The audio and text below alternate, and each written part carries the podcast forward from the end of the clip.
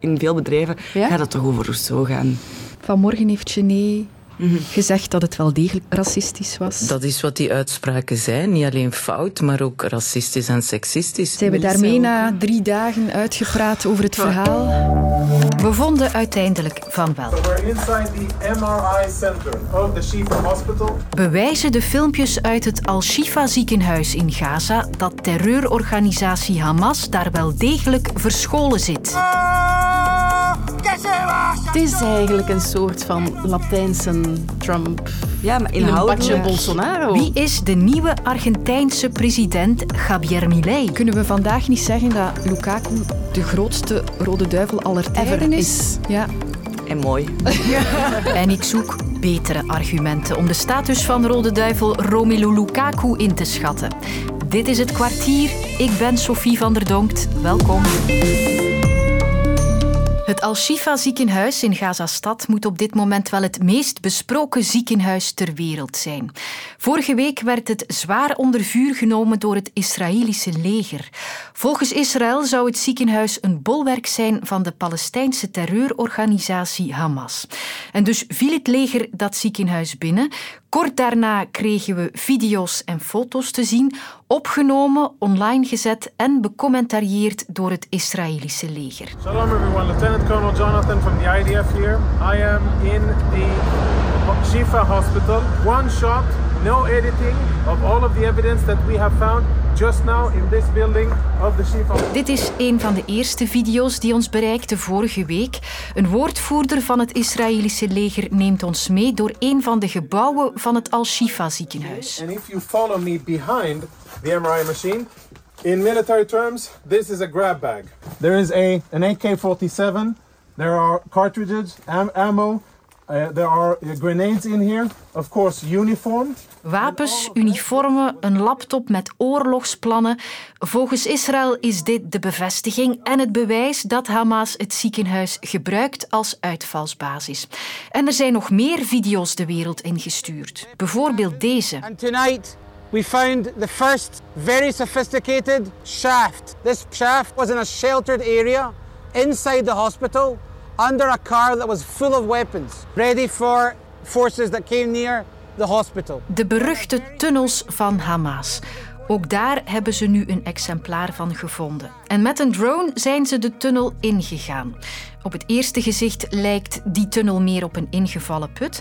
Maar terwijl we dieper gaan, zien we ook de restanten van een smalle wenteltrap. Dan is het een tijd donker, schokkerige beelden. We dalen verder af. En dan onscherpe beelden van een smalle tunnel met gele rafelige muren. En op het einde een dikke witte deur met een klein vierkantje erin.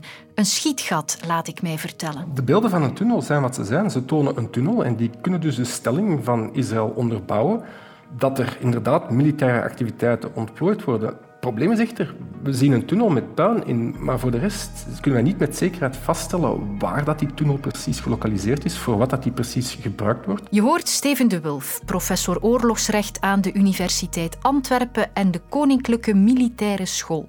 En ik heb hem ingeschakeld, want ja, hier zitten we nu met al die beelden. Wat zijn we daarmee? Ik denk dat het gemakkelijker is als ik eerst eventjes nog eens de basis uitleg.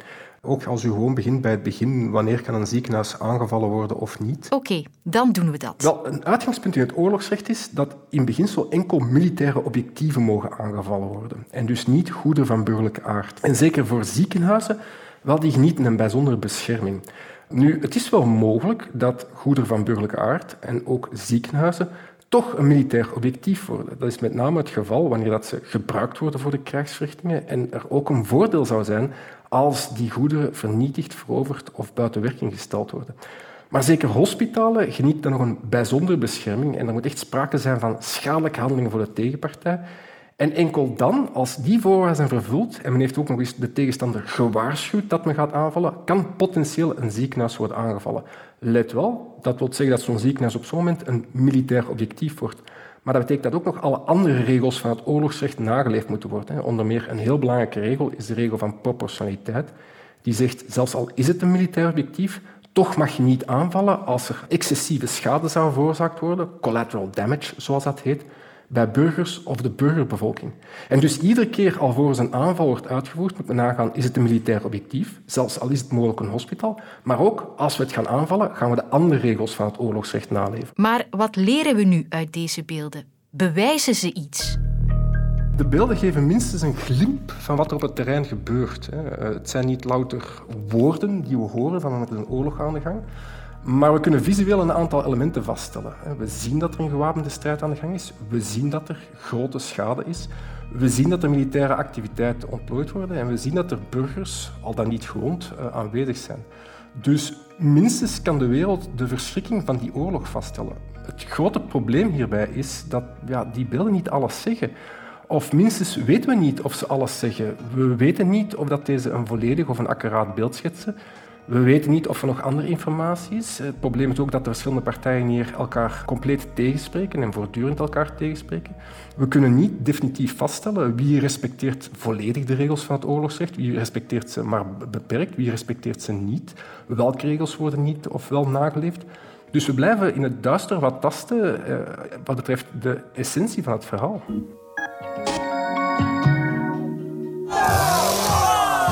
Een man met een kettingzaag, een woest kapsel en een stevig stemgeluid. Hij wordt de nieuwe president van Argentinië. En dan heb ik het over Javier Milei. Politiek gezien kan je hem uiterst rechts en ultraliberaal noemen. Journalisten zien een kruising tussen Donald Trump en de vorige Braziliaanse president Jair Bolsonaro. En zichzelf beschrijft hij als een anarcho-kapitalist die de bestaande politieke klasse in Argentinië omver wil werpen. En dat recept heeft gewerkt. Javier Milei haalde 56% van de stemmen en wordt dus president. Eigenlijk een complete nieuwkomer. Een man die ook maar heel weinig politieke ervaring heeft. Dus eigenlijk wel een beetje een incognito. Ja, de economische situatie is een puinhoop en dus de mensen hebben gekozen voor iets anders. En dit is Tom Jussard, journalist in Argentinië. Dat klopt, ja. Ik woon al twintig jaar in Argentinië. Maar deze week even in Antwerpen. Ik ga heel even, heel snel uh, wat sluikreclame maken, want ik heb een nieuw boek uit rond de Kaap. En daarvoor ben ik eigenlijk hier. Maar daar gaat het dus vandaag niet over. Wel over die, op zijn zachtst gezegd, bijzondere figuur Javier Milei. Het is een flamboyant figuur, maar ja, we mogen niet vergeten, we leven in 2023 waar de media en de sociale media erg belangrijk zijn. En je moet ook opvallend voor de dag komen voor de TikTok-generatie. Dus uh, dat soort figuren, ja, je hebt het ook gezien met Trump in de tijd en zo, uh, dat soort opvallende figuren, die scoren dikwijls makkelijker dan een, dan een saaie politicus. Die Javier Milei is eigenlijk een uitdrukking van de discontento, zoals het in Argentinië heet. Een proteststem eigenlijk tegen, het, uh, tegen de bestaande regering of tegen de bestaande economische situatie. En die man krijgt dus de sleutels in handen van een land in een diepe economische crisis. Argentinië is het op zeven na grootste land ter wereld. Het is erg rijk aan grondstoffen en ook topvoetballers als Lionel Messi en Diego Maradona lijken er aan de bomen te groeien. Hoe kan het dan zo slecht gaan met dat land? Dat is een hele goede vraag. Er zit uh, gas, olie, er zit lithium tegenwoordig. Er is heel veel landbouw, hè? dus uh, soja, maïs. Maar het wordt gewoon slecht geadministreerd. En al jarenlang wordt het slecht geadministreerd. Het is ook corrupt. Hè? Dus je ziet bijvoorbeeld, er komt een groot buitenlands bedrijf en die steken wat uh, bruine enveloppen hè, in de juiste zakken. En dan krijgen die grote contracten om dan daar bijvoorbeeld grote mijnbedrijven, open pit mining, zelfs van goud en zo, met allerlei milieugevolgen, te gaan uitbaten. En er kraait dan geen haan naar en er vloeit dan ook maar heel weinig terug naar Argentinië. Dus eigenlijk is het een beetje een, een corruptieprobleem. En die crisis wil Javier Milei aanpakken. Niet met halve maatregelen, zoals hij zelf zegt, maar door dus de kettingzaag in het systeem te zetten. En bijvoorbeeld een heleboel ministeries af te schaffen. Ministerio de Cultura. Het ministerie van Cultuur. Afuera. Weg ermee. Ministerio de Trabajo, Empleo y Seguridad Social. Het ministerie van Werk en Sociale Zekerheid. Afuera. Weg ermee. Ministerio de Transporte. Het ministerie van Transport. Afuera. Ministerio de Salud. Het ministerie van Gezondheid. Afuera. Dat is natuurlijk allemaal heel mooi theoretisch, maar je moet zien hoe kan je het in de praktijk ten uitvoer gaan brengen. Politiek staat hij heel zwak, want hij heeft ook heel weinig uh, Hij heeft geen enkele gouverneur in het hele land van de 25 provincies. Hij heeft maar drie burgemeesters van 1200 eh, gemeenten die Argentinië rijk is. Dus hij zal sowieso met de oppositie samen moeten werken. Het idee ook een beetje in het buitenland van oei, daar komt de gevaarlijke figuur aan de macht, is dus eigenlijk ongegrond. Ik denk zelfs dat hij een eerder zwakke president zal worden. Hij heeft ook al eh, zichzelf een paar keer tegengesproken. Hè. Dus uh, in het begin dan ging hij de dollar invoeren, daar is hij al van teruggekomen. Dan ging hij alle relaties met China en Brazilië verbreken, daar is ook al van teruggekomen. Dus ik denk eerder dat hij een figuur zal worden, ja, we zeggen in het Spaans, uh, mucho ruido, pocas nueces. Dus veel geblaad, weinig wol. Het is natuurlijk makkelijk om extreme uitspraken te doen, maar ja, als je dan op die presentzetel zit en je moet dan effectief dingen gaan uitvoeren, dat is een, een andere koek natuurlijk. Ja, het is wat we dachten. Hè. Dus die doen ook iets met Lukaku vandaag bij Sportsa Daily. Maar de vraag is een beetje complexer dan die van ons. Waarom hij als leider de groeibriljanten op sleeptouw neemt met zijn werklust en ambitie. We gaan de vraag simpeler stellen. Hè? Is Lukaku de grootste rode duivel ooit? De collega's van de podcast Sportza Daily werken zich net als wij elke weekdag uit de naad. En het is geen toeval dat de prestaties van Romelu Lukaku ons allebei in het oog gesprongen zijn. Daar komen ze weer. Daar is Lukaku. Het is 4-0. Nee, het is niet normaal.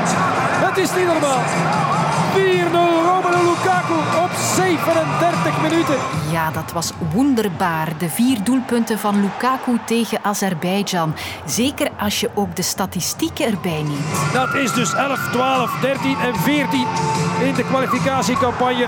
En hij schuift met zeven mijlslaarzen ook op in die prestigieuze rangschikking van topschutters aller tijden voor hun nationale ploeg. Hij had er 79 plus 4 is 83. 83 doelpunten in 108 wedstrijden. Is dat niet stilaan genoeg om de grootste rode duivel aller tijden te zijn? Ik heb het aan een gewezen rode duivel gevraagd. Hallo, ik ben Geert de Vlieger, 43-voudig international rode duivel en tegenwoordig presentator bij Play Sports. Ja, dat het een spits van heel hoog niveau is, dat blijkt nu maar. Want uiteindelijk wordt een spits beoordeeld op doelpunten. En wat dat betreft kan niemand hem tegenspreken. Hij is nog maar 30, dus er kunnen nog wel wat jaren en dus ook doelpunten voor de Rode Duivels bijkomen. Uh, ja, als je kijkt dat Cristiano Ronaldo nog altijd bezig is om naar doelpunten bij te duwen. En ik moet zeggen, qua instelling hebben ze een beetje het vergelijkbare karakter. Dus ik verwacht inderdaad dat Romelu nog wel een paar jaar door zal gaan als Rode Duivel ook. Ja. Good old Jan Vertongen zei na de match van gisteren: Lukaku is onmisbaar, onmisbaar voor, de, de groep. groep. Romelu is onvervangbaar door zijn persoonlijkheid, door zijn kwaliteit. Dus laten we er maar van genieten zolang hij hier is. Ben jij het daarmee eens?